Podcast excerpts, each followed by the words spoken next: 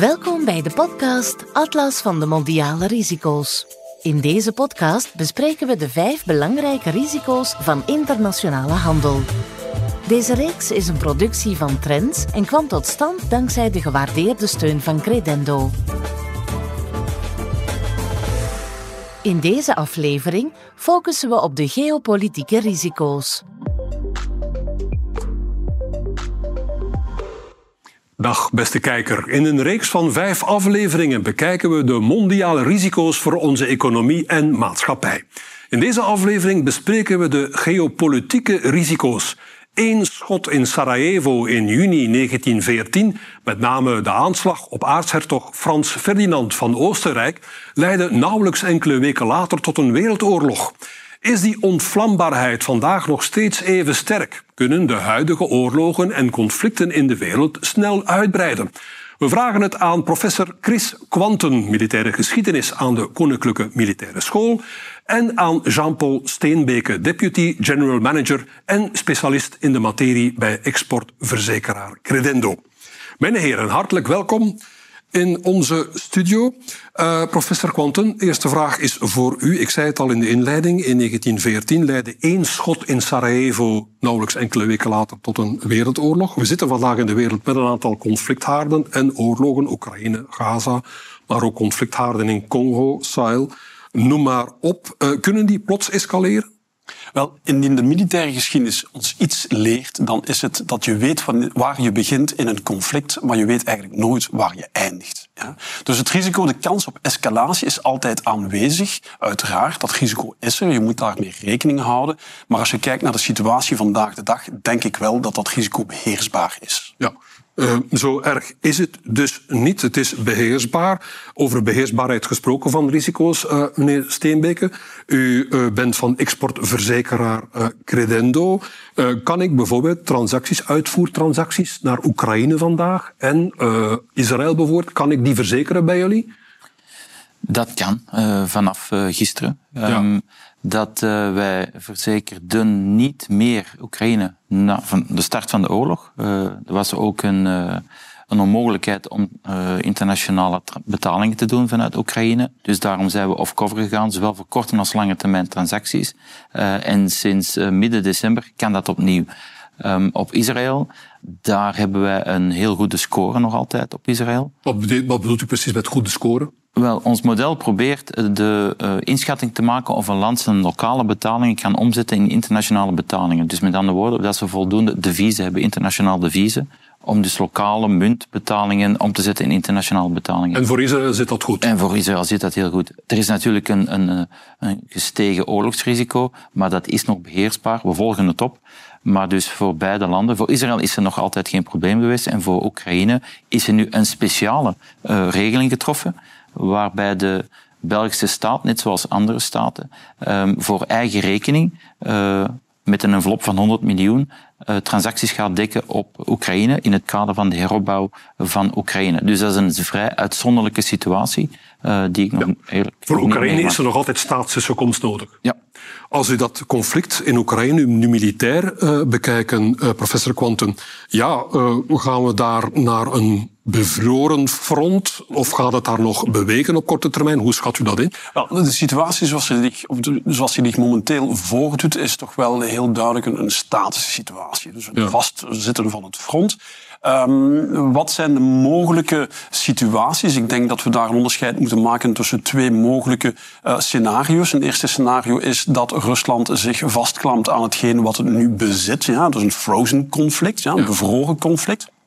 Maar natuurlijk, een bevroren conflict, zoals het woord het zelf zegt, kan dus ook wel ontdooien natuurlijk in functie van de temperatuur van de internationale relaties. En wat bedoel ik daarmee? Wel dat Rusland er alles aan gaat doen om zijn uiteindelijke objectieven te kunnen realiseren. En die objectieven zijn heel duidelijk. Het is te zeggen het veroveren van die aangehechte provincies, ja, die oblasten, die vier provincies. Het demilitariseren van het Oekraïnse leger, dus dat moet dus geneutraliseerd worden. En het depolitiseren, het denazificeren van de regering. Met andere woorden, daar een marionettenregering in plaats zetten. Zolang dat niet gebeurd is, betekent dat dat dus Rusland op het even welk moment dat dat bevroren conflict kan laten onttooien, om terug dat conflict op te poken, wat betekent dus instabiliteit. Ja, dat is een eerste mogelijk scenario. Een tweede mogelijk scenario, een doemscenario eigenlijk, is dat Rusland op, op, op relatief korte termijn of middellange termijn er toch in zou slagen om die doelstellingen die we juist besproken hebben te realiseren op het terrein. En ik bedoel dan om dus ook heel Oekraïne onder de voeten lopen. Ja. Um, en, en, en dan komen we natuurlijk in een ander scenario met de vraag van ja, wat gaat, tot wat gaat dat leiden? Gaat dit tot escalatie leiden? Want dat zet de deur open naar bijvoorbeeld Moldavië, Transnistrië, waar een belangrijke Russische minderheid uh, natuurlijk aanwezig is. Maar hetzelfde geldt bijvoorbeeld ook voor Estland. Ja? Um, ook daar is een belangrijke Russische uh, minderheid aanwezig. En, wat, aanwezig. en wat gaat dan de gevolgen daarvoor zijn? Met andere woorden, dan zitten we wel met een risico op escalatie. Dat zijn dus twee belangrijke scenario's die zich momenteel aandienen. Um, veel gaat afhangen uiteraard van de reactie van de westerse wereld. Ja, wat gaat de Verenigde Staten doen? Wat gaat Europa doen? Hun standpunt zal hierin bepalend zijn. Zometeen meer over de militaire sterkte van uh, Europa. Eerst nog uh, deze mogelijke conflicthaard, mijn heren. Taiwan. Um, Chinees president Xi Jinping zegt openlijk Taiwan moet weer onderdeel worden van de Chinese Volksrepubliek. Um, wanneer denken jullie zal China tot de actie overgaan, meneer Steenbeek? Dat is natuurlijk moeilijk om exact te voorspellen, maar uh, het is duidelijk dat als de president van zulke land zoiets zegt, dat hij zich commit uh, bovendien uh, heeft hij nu een nieuw mandaat, uh, is in zijn derde mandaat en hij kan nog een tijdje doorgaan, maar hij, heeft niet het, hij is al in de 70. Dus dat wil zeggen dat hij niet onbeperkt tijd heeft. Dus er zal een zekere haast zijn. Um, ik denk ook dat het afhangt van de verkiezingen in Taiwan uh, op dit moment. Dus um, er zijn nu verkiezingen het volgend jaar. En uh, het zal afhangen wie er wint. Gaat de bestaande regering, die eigenlijk nationalistisch is, winnen? Of gaat bijvoorbeeld de oppositie, die meer naar China aanleunt, gaan die winnen? Dus de, de spanning die zal daardoor kunnen beïnvloed worden. En gaat China dan iets doen? Ja, dat zal ook afhangen van hun sterkte die zij zien ten opzichte van de VS. Uh, eh, ja, is hun leger sterk genoeg dat is, om dat, dat is te inderdaad doen? een grote vraag, uh, professor uh, Quanten. zal de Verenigde Staten zijn engagement om Taiwan te verdedigen hard kunnen maken in het geval van een Chinese aanval? Wel, de Amerikanen stellen heel duidelijk dat ze dat gaan doen. Mhm. Ja, dat is de boodschap, de communicatie natuurlijk naar de buitenwereld. Um, om even terug te komen op de vraag van juist, gaat die aanval vanuit China plaatsvinden? Persoonlijk denk ik op korte termijn niet. Ja. Um, ook al omdat China momenteel met economische problemen geconfronteerd wordt. Dus de economische motor sputtert toch wel. Er zijn toch heel wat ja. binnenlandse problemen. Het doembeeld van, van die grote reus op leme voeten daagt weer op. En ik denk dat uh, Xi Jinping met, met uh, andere problemen uh, te maken heeft. En alvorens zich zomaar in een nieuw militair avontuur te storten, de aanhechting van Taiwan, wat wel eens grote gevolgen zou hebben. Um, nu, om te antwoorden op die militaire vraag, gaan de Amerikanen uh, die verdediging hard maken? Wel, dat is de communicatie vanuit de Verenigde Staten heel duidelijk. Wij zullen um, in de bres springen. Hebben zij er middelen voor? Ja, ik denk het wel dat ze daar de middelen voor hebben. Uh, maar je ziet ook wel dat China bezig is met een inhaalbeweging op militair vlak om die achterstand, die er nog altijd is, om die zo snel mogelijk bij te benen. En het volstaat te verwijzen naar, naar één cijfer, ga ik u geven. Als we kijken naar het budget dat gespendeerd wordt aan defensie, wel in de Verenigde Staten is dat, dat varieert rond de 800 miljard ja, op jaarbasis. Als we kijken naar de Volksrepubliek China, wel dan is dat ongeveer 300 miljard. Dus je zit nog altijd met die discrepantie. Defensieve uit, defensieuitgaven. Defensieve ja. Dus, dus alles wat naar defensie gaat. Dus je zit daar met een, een, een enorm verschil, wat er toch op wijst dat China duidelijk aanvoelt van kijk, wij moeten eerst nog militair ook bijbenen. Dus enerzijds zijn er de economische problemen, maar anderzijds zijn er toch ook heel wat militaire uitdagingen waarmee, waarmee zij nog worden geconfronteerd. En dan drie is nog maar de vraag, gaat China uiteindelijk opteren op middellange termijn misschien, um, voor een militair conflict? Of gaan zij misschien voor een andere optie gaan? En een andere um, optie zou kunnen zijn, een ander scenario zou kunnen zijn, een blokkade van het mm -hmm. eiland. En dan kom je met een scenario van ja, het dichtpitsen van de strop, ja, wat natuurlijk ook een, een tactiek is om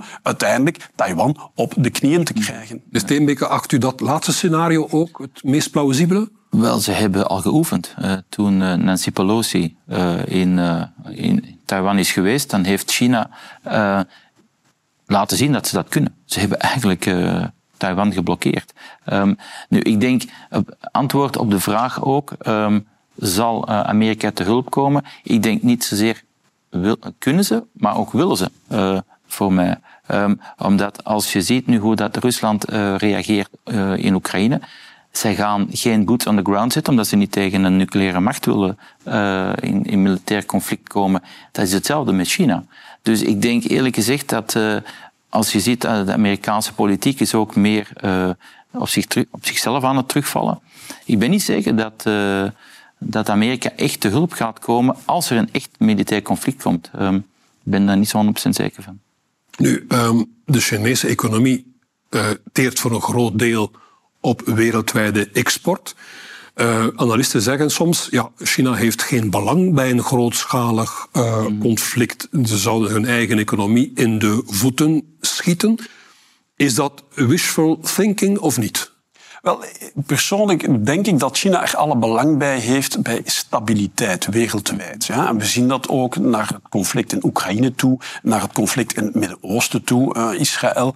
Um, dus China profileert zich een beetje als zijnde de go-between, uh, de man die de alle kanalen openhoudt en tracht te komen tot een, een, een vergelijking, stabilisatie. En dat past volledig in die filosofie van de Chinezen, um, komen tot stabiliteit om juist die economische motor te laten draaien. Want zoals ik daar straks al zei, ze worden nog altijd geconfronteerd met belangrijke binnenlandse problemen. Een van de problemen is de jeugdwerkloosheid, een enorme jeugdwerkloosheid. Wel, je kan die maar opslorpen, ja, absorberen, indien je economie draait. Dus die economische motor moet draaien. En, en, daarvoor ja, moeten alle radaren van, van, dat, van, van dat economische radarwerk goed op elkaar ingespeeld zijn. Moet de bevoorrading goed draaien ook. En dat gaat niet samen met conflict, uiteraard. Dus China is, is conflictaversie, dus afkerig ten opzichte van conflict. Maar als het dan gaat over Taiwan, nemen zij een principieel standpunt in en zeggen zij van kijk, het vroegere Formosa, het huidige Taiwan, wel historisch gezien hoort dat bij China en het zal geïntegreerd worden in de huidige staat. En daar zouden dus wel eens een echte oorlog voor over wel, hebben? Ik denk dat die mogelijkheid, dat is mijn inschatting dan, dat die wel zeer reëel is. Um, ongeacht de vorm waarop het zal gebeuren, uiteraard. Zal dat op korte termijn gebeuren? Nee, dat denk ik niet. Mijn inschatting zal zijn eerder op middellange termijn, zodra dat die economische situatie gestabiliseerd is. En vooral ook dat zij dus militair terug sterker staan. En we zien dat nu ook. Ja. Dus China is dus bezig met een enorme inhaalbeweging mm -hmm. op militair vlak. Ontwikkeling van dus zeer hoogtechnologische wapensystemen, waarbij in sommige domeinen zij zelfs voorsprong hebben ten opzichte van de Verenigde Staten. Professor Quanten verwees er al naar Europa. Hoe uh, kwetsbaar militair of hoe sterk militair zijn we daar? Uh, ik zeg uh, zomaar, um, Frankrijk heeft een sterk leger. Um, ook Groot-Brittannië, in zover we Groot-Brittannië nog tot Europa kunnen rekenen, heeft ook een sterk leger. Beide zijn grootmachten. Kunnen we daar iets mee, meneer Steenbeke? kunnen we als Europeanen gerust slapen? Wel, op dit moment uh, steunt Europa op de NAVO. Hè? En ja. de vraag is eigenlijk, wat gaat er gebeuren met de NAVO? Ja. Dat is eigenlijk de belangrijkste vraag. En dit, op dit moment, uh, met onder Biden zitten we safe. Maar wat gaat er gebeuren als Trump terugkomt? Dan is er een groot vraagteken rond de NAVO. En dan zal natuurlijk uh, Europa zich meer vragen moeten stellen over wat we gaan doen met onze defensie na de eerste keer Trump was er al een, een zekere ja, probleem. En er was een heel grote opluchting toen uh, Biden werd verkozen. Als Trump terugkomt, dan denk ik dat het eigenlijk een beetje veel erger kan worden. Uh, als Amerika bepaalde maatregelen gaat nemen of zelfs de NAVO in vraag stellen. Ja, het draait inderdaad, professor Quanten, om de NAVO. Ja, um, meneer Steenbeke wees er al op. wat als Donald Trump terugkomt? En die kans is reëel. Er was een NAVO-revival tot nog toe. Finland is uh, lid geworden. Zweden zal het normaal gezien wel dra worden. Die NAVO-revival zal misschien niet duurzaam zijn. Wel, we hebben dat gezien met de crisis in Oekraïne. Dus NAVO is daar versterkt uitgekomen. 31 lidstaten nu. Finland is daar inderdaad bijgekomen. Zweden gaat zonder twijfel op korte termijn volgen ook. Maar de NAVO um, ja, komt nu inderdaad in een periode van, van, van, van crisis. Hè. Wat gaat er gebeuren met die verkiezing in de Verenigde Staten? En dat gaat niet alleen beperkt blijven tot de NAVO, dat gaat ook belangrijke gevolgen hebben voor Europa. Um, want Biden, want uh, Trump heeft heel duidelijk laten verstaan dat dat ook gevolgen zal hebben voor Oekraïne, de steun aan Oekraïne. Met andere woorden, op dat ogenblik zal Oekraïne dus wel degelijk een Europees probleem worden. En we mogen niet vergeten, want we spreken over verschillende conflicthaarden. We spreken over Taiwan, we hebben over um, de Gazastrook, Israël gesproken, het Midden-Oosten, um, Oekraïne. Wel, de Amerikanen hebben daar een prioriteit in. Hè. Ze hebben daar een duidelijke prioriteit. En de focus voor de Amerikanen ligt inderdaad in het Verre Oosten, Taiwan. Hè. Dat is hun eerste, uh, eerste prioriteit, hun focus. Op de tweede plaats zal dat zonder twijfel het Midden-Oosten zijn. En maar op de derde plaats Oekraïne.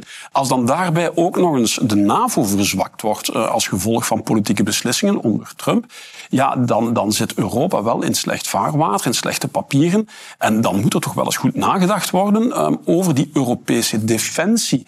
Um, dat is een oud zeer. Hè? Dat is iets wat al jaren aansleept. Maar Daar nu hoor ik veel... zeggen, nu, nu hebben we echt wel een, Europees, een echt Europees leger nodig. Wel, die vraag, die vraag stelt zich uiteraard. Die wordt steeds kritieker, die vraag. En als we kijken naar de pogingen die ondernomen zijn tot nu toe, ja, dan zien we dat dat maar heel moeilijk van de grond komt. Hè. Daar zijn een aantal ja, punctuele initiatieven, noem ik, noem ik dat. Hè. We hebben nu een rapid deployment capacity. Hè. Uh, 5000 manschappen. Is dat die dus snel inzetbaar zijn in geval van crisis? Maar eigenlijk is dat een druppel op een hete plaat. een druppel op een hete plaat. Dat is een brigade. Dat stelt niet veel voor. Als je kijkt met de aantallen die dus nu ingezet worden in Oekraïne, dat is een druppel op een hete plaat. Um, structureel, ja, structureel op Europees vlak is er eigenlijk, zijn er weinig initiatieven. Meestal gebeurt dat op lokaal vlak, hè, nationaal vlak. Bijvoorbeeld België is daar heel actief in. Hè. Voor de landstrijdkrachten hebben we het CAMO-project, waarbij we ons opleiden of samenwerken met Frankrijk. Hè. Die twee legers, de landstrijdkrachten, zijn dus integreerbaar. Dat is dus een aanzet tot een, ja, een vorm van een Europees leger, maar het wordt voorlopig niet overgenomen door de andere Europese landen. Voor wat betreft de marine werkt België heel nauw samen met Nederland. Ja. Ook daar weer een integratie, maar dat zijn binationale projecten. Dus die 27 lidstaten zijn daar niet echt in geïnteresseerd. En dan komen we terug met het oude Europese probleem, ja, de nationale belangen. En die nationale belangen overstijgen nog steeds, dat stellen we toch vast, overstijgen nog mhm. altijd, in het defensievlak althans, ja, die, die overkoepelende belangen. En dat is uiteindelijk het pijnpunt. Maar over welke nationale belangen spreken we dan precies? Wel, elk land legt zijn eigen klemtonen natuurlijk. En het is voor een land altijd bijzonder moeilijk om zijn defensie af te staan ja, aan een internationaal organisme. Elk land is bekommerd om zijn eigen belangen, om zijn eigen nationale veiligheid ook. En dus die klik kunnen maken, die stap kunnen zetten van kijk, we zijn bereid naar een Europees leger. Wel, dat is een zeer grote stap, een moeilijke stap. En in de feiten zien we dat ook. Ja. Steenbeke, wat denkt u daarvan? Uh, zal de bewustwording in Europa nu echt wel sterk genoeg worden om die eigen enge nationale belangen te overstijgen, of zal dat niet lukken? Maar ik denk dat het uh, een van de laatste bastions is die moet overwonnen worden, net zoals buitenlands beleid. Dat zijn twee elementen die eigenlijk uh, waar de lokale, de nationale overheden heel veel controle over willen hebben en die ze eigenlijk niet graag afgeven. Dus of dat, dat gaat lukken, ik denk dat dat heel moeilijk zal zijn, inderdaad. Ja, zelfs in deze tijden van een oorlog. Als het moet, als het moet. Ik denk dat de enigste manier zal zijn als eh, de Amerikanen echt uh, dreigen en serieus, uit, uh, serieus dreigen om uit de NAVO te stappen, dan zal men stappen moeten ondernemen. Dan is er geen alternatief. Ja. ja dan zal het gebeuren. Dat zal bepalend zijn, ik denk het inderdaad ook. En eigenlijk is dat paradoxaal, hè? Die, heel die discussie. Um, Europa, gekenmerkt door de hoogste levensstandaard ter wereld, ja, de meeste welvaart, de, de, de, de, de meest comfortabele levensomstandigheden. Maar als je dan kijkt, ook naar de politiek en de publieke opinie, zijn we eigenlijk niet bereid om daar een prijs voor te betalen. Mm Investeren in defensie. We hebben daar een enorme aversie voor. En dat is eigenlijk de paradox van Europa. Ja omdat er natuurlijk ook wel budgettaire beperkingen zijn. Hè. In veel landen is de situatie van de overheidsfinanciën niet al te rooskleurig. Hè. Ja, maar dikwijls is het een kwestie van prioriteiten. Hè. Defensie is een verzekering. Hè. Ik moet het niet zeggen aan mijn collega. Um, het is een verzekering die je neemt. Daar betaal je voor natuurlijk. Daar investeer je in. En wat hebben we gezien na het einde van de Koude Oorlog? Hè. Koude Oorlog, we, komen in een bipolaire, we waren in een bipolaire situatie. We gaan naar een monopolaire situatie na de Koude Oorlog. De Verenigde Staten zijn de agent van de wereld ja, en kunnen de zaken wel controleren. Dus we worden niet meer geconfronteerd met grootschalige oorlogen. Het zijn nog wat expeditionaire campagnes waarvoor we kleine mobiele eenheden nodig hebben. die overal inzetbaar zijn in de wereld, maar geen zware panzers, geen zware artillerie, geen massaproductie van, van, van artilleriegranaten. Dat is allemaal niet meer nodig. En plots worden we dan nu in 2022 geconfronteerd met een situatie in Oekraïne waar plots die klassieke conventionele oorlog terug aan de oppervlakte komt en waar wij als Europeanen eigenlijk geen antwoord op hebben. Ja. Om daar even nog het over te hebben, uh, meneer Quanten. Ik mag ervan uitgaan dat vandaag uh, de Amerikanen nog altijd het grootste en het sterkste leger hebben ter wereld. Ja, inderdaad. Mhm. Dus, ze hebben nog altijd voorsprong op de Chinezen. Ze hebben nog altijd voorsprong op de Chinezen. Maar als we dan terug de link maken naar Taiwan, op de Zuid-Chinese zee. Het probleem voor de Amerikanen is, zij moeten aan projectie gaan doen. Met andere woorden, zij moeten een militaire capaciteit ter plaatse brengen. Wat natuurlijk een enorme logistieke belasting is. Ja? Eh, en daar moet je mee rekening houden. En dat verklaart ook dat de Amerikanen zoeken naar partners, coalitiepartners, ter plaatse waarmee zij, waarmee zij kunnen samenwerken. Japan, Zuid-Korea. Dus verschillende partners ter plaatse om dan een tegengewicht te kunnen vormen tegen die Chinese militaire dreiging. Maar uh, militair gezien alleen kan de Verenigde Staten, u sprak daarover de Verenigde Staten als politieman van de wereld, de Verenigde Staten kunnen niet meer, zoals dat misschien vroeger wel het geval was, overal in de wereld aanwezig zijn met de militaire macht. Dat was het beeld, dat was het beeld van de jaren 90. En vanaf de 21ste eeuw, 2000, is dat beginnen evolueren natuurlijk. En China is daartegen in, in verzet gekomen, reageert daarop en wil eigenlijk komen naar een nieuwe wereldorde. Ja, een multipolaire wereld waarbij dus China ook een belangrijke rol heeft te spelen. En we zien dat ook Rusland op die kar speelt. Poetin duidt daar heel, doet daar heel duidelijk op in zijn discours.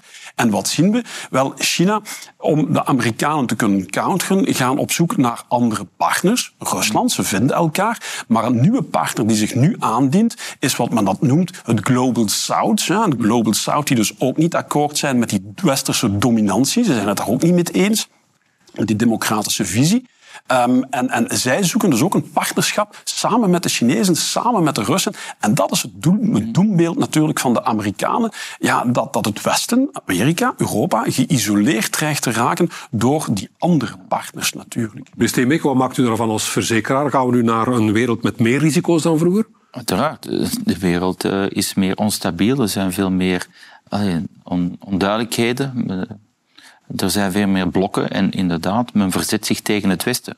Dat, is, eh, dat ziet men duidelijk. En dat heeft ook effect op allerlei handelsrelaties, maatregelen die genomen worden, eh, sancties die genomen worden, tegensancties. Dus ja, inderdaad, er is een, eh, een grotere verbrokkeling van de, van de wereldeconomie. Ehm, en ook wat, wat belangrijk is, is dat bepaalde, want we spreken niet alleen over China en over uh, Rusland en Amerika en Europa, maar er zijn ook andere markten die dat uh, naar boven komen. Bijvoorbeeld in Turkije, die een heel belangrijke rol begint te spelen op zijn lokaal gebied, Brazilië, die ook een rol beginnen opeisen. bijvoorbeeld Turkije heeft een heel belangrijke rol gespeeld in het conflict tussen Armenië en Azerbeidzjan. Uh, zij zijn mee aan de, zij steunen enorm Azerbeidzjan en dat heeft ook de doorslag gegeven. De wereld is daardoor minder homogener. Absoluut, ja.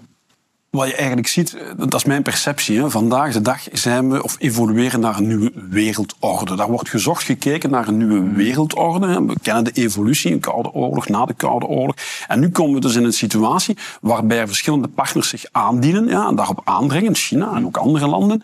En, en, en ja, ik vergelijk dat altijd met, met, met de verschuiving van tektonische platen. Ja, tektonische platen en die botsen met elkaar. En zoals u weet, aardbevingen, wel, dat is het resultaat daarvan. Uitspattingen, ja, uitspattingen. Wel, dat zijn eigenlijk de conflicten van vandaag. En ik ben ervan overtuigd, zolang dat we niet naar een nieuwe wereldorde zijn, en we zijn nu in die transitieperiode, gaan we nog tal van conflicten zien als gevolg van die wrijvingen tussen die platen die zich aan het verplaatsen zijn. De machtsverhoudingen zijn zich langzaam maar zeker aan het verplaatsen en dat resulteert in conflicten. Meer instabiliteit dus. En we hebben zelfs dan nog niet gesproken over die moderne vormen van oorlogsvoering cyberaanvallen, uh, doorknippen van onderzeese internetkabels, aanslagen uh, op, uh, op onderzeese pijpleidingen, zorgen al die nieuwe soort risico's voor een, ja, voor een vermenigvuldiging van de risico's, uh, meneer Steenbeke. Vermenigvuldiging. Ik, het voorbeeld inderdaad van de, de, de gaslijn tussen Finland en Estland, dacht ik, die dat geraakt werd. Ook Nord Stream dat heeft enorme economische gevolgen gehad, uh, of kan nog meer economische gevolgen hebben. Dus er zijn enorme zwakheden in onze infrastructuur die, die geraakt kunnen worden. En die hebben dan grote impact op de economie. Het is niet zozeer dat dat uh, gebeurt, dat een, een groot risico inhoudt, maar wel de gevolgen voor de economie. Um, en ik denk dat men is al lang bezig met het beïnvloeden van elkaar via allerlei systemen. Als men weet dat de Amerikaanse, uh, Amerikaanse verkiezingen in 2016 zijn beïnvloed geweest, dat is nadien toch wel bewezen. Ja, dat, uh, we zijn, als je dat hoort, we zijn misschien wel veel kwetsbaarder in Europa dan we zouden denken. Hè? Ja, absoluut, absoluut. En al, al die vormen die we juist bespreken, dat valt eigenlijk onder hybride oorlogvoering. Ja? Hybride oorlogvoering is een oorlogvoering die eigenlijk valt onder de, de klassieke drempel hè, van een conventionele, de klassieke oorlogvoering. Hè, waarbij je eigenlijk niet weet wie doet juist wat hier, met welke intentie, maar het leidt wel tot instabiliteit. En die instabiliteit moet je in stand houden natuurlijk. En dat kan je op verschillende vormen doen. Hè. Je hebt daar een aantal voorbeelden gegeven Uh, doorknippen van de datakabels tussen uh, de VS en het Europese continent. Ja, dus die, die, de gasleidingen. Um, dat kan gaan ook over, over um, de, de, windmolenparken in de Noordzee, kunnen dus geïmmobiliseerd ge, ge worden. Um, dat kan gaan over cyberaanvallen, uh, dus digitale bommen die, die ingeplant worden in een betalingssysteem, in een elektriciteitsnetwerk in een bepaald land dat plots uitvalt en wat leidt tot chaos. Maar er is nog een dimensie ook die toch wel heel belangrijk is en waar we de gevolgen vandaag de dag um, heel duidelijk zien ook, is de migratiestromen. Hè. Dus ook migratie wordt gebruikt als een wapen in de moderne oorlogvoering. Ik verwijs daarbij naar de initiatieven van Rusland, hè, waarbij dus migranten uh, de grens worden overgezet naar Finland, hè, uh, met de bedoeling om daar de zaak te destabiliseren. En als je kijkt wat er in de Sahel gebeurt, hè, want dat is ook een belangrijke conflictzone die we af en toe wel eens vergeten. Wel, daar ontstaat een vacuüm. Ja, de westerse mogendheden verdwijnen. Frankrijk verdwijnt, de Europese uh, troepen verdwijnen daar ook. En dat vacuüm wordt opgevuld door wie? Wel, door Wagner, door Russische invloedszone. En een van de eerste beslissingen die dan genomen wordt, wel, de migratiedeals met de Europese Unie, wel, die worden dus geannuleerd, waardoor de deuren voor de migranten wagenwijd openstaan naar Europa. Heel duidelijk met de bedoeling om Europa te destabiliseren natuurlijk. Het ziet er niet echt goed uit, mijn heren, maar uh, laat ons toch maar hopen op, een, op vrede in de wereld. Laat mij toch vooral daarmee afsluiten. Professor Quanten, hartelijk dank voor uw komst naar de studio. Ook meneer Steenbeke, hartelijk dank voor uw komst. Zo, tot zover deze aflevering. In de volgende aflevering bespreken we de kritieke grondstoffen. De strijd om lithium, nikkel, kobalt en andere cruciale materialen voor de energietransitie is losgebarsten. Wat zijn de kansen van Europa in deze strijd? We bekijken het samen met Michel van Hoei, senior partner bij Consultant McKinsey, gespecialiseerd in grondstoffen en mijnbouw, en Jean-Paul Steenbeke, die ook al te gast was in deze aflevering. Tot volgende week. U luisterde naar de podcast De Atlas van de Mondiale Risico's. Deze podcast kwam tot stand dankzij de gewaardeerde steun van Credendo.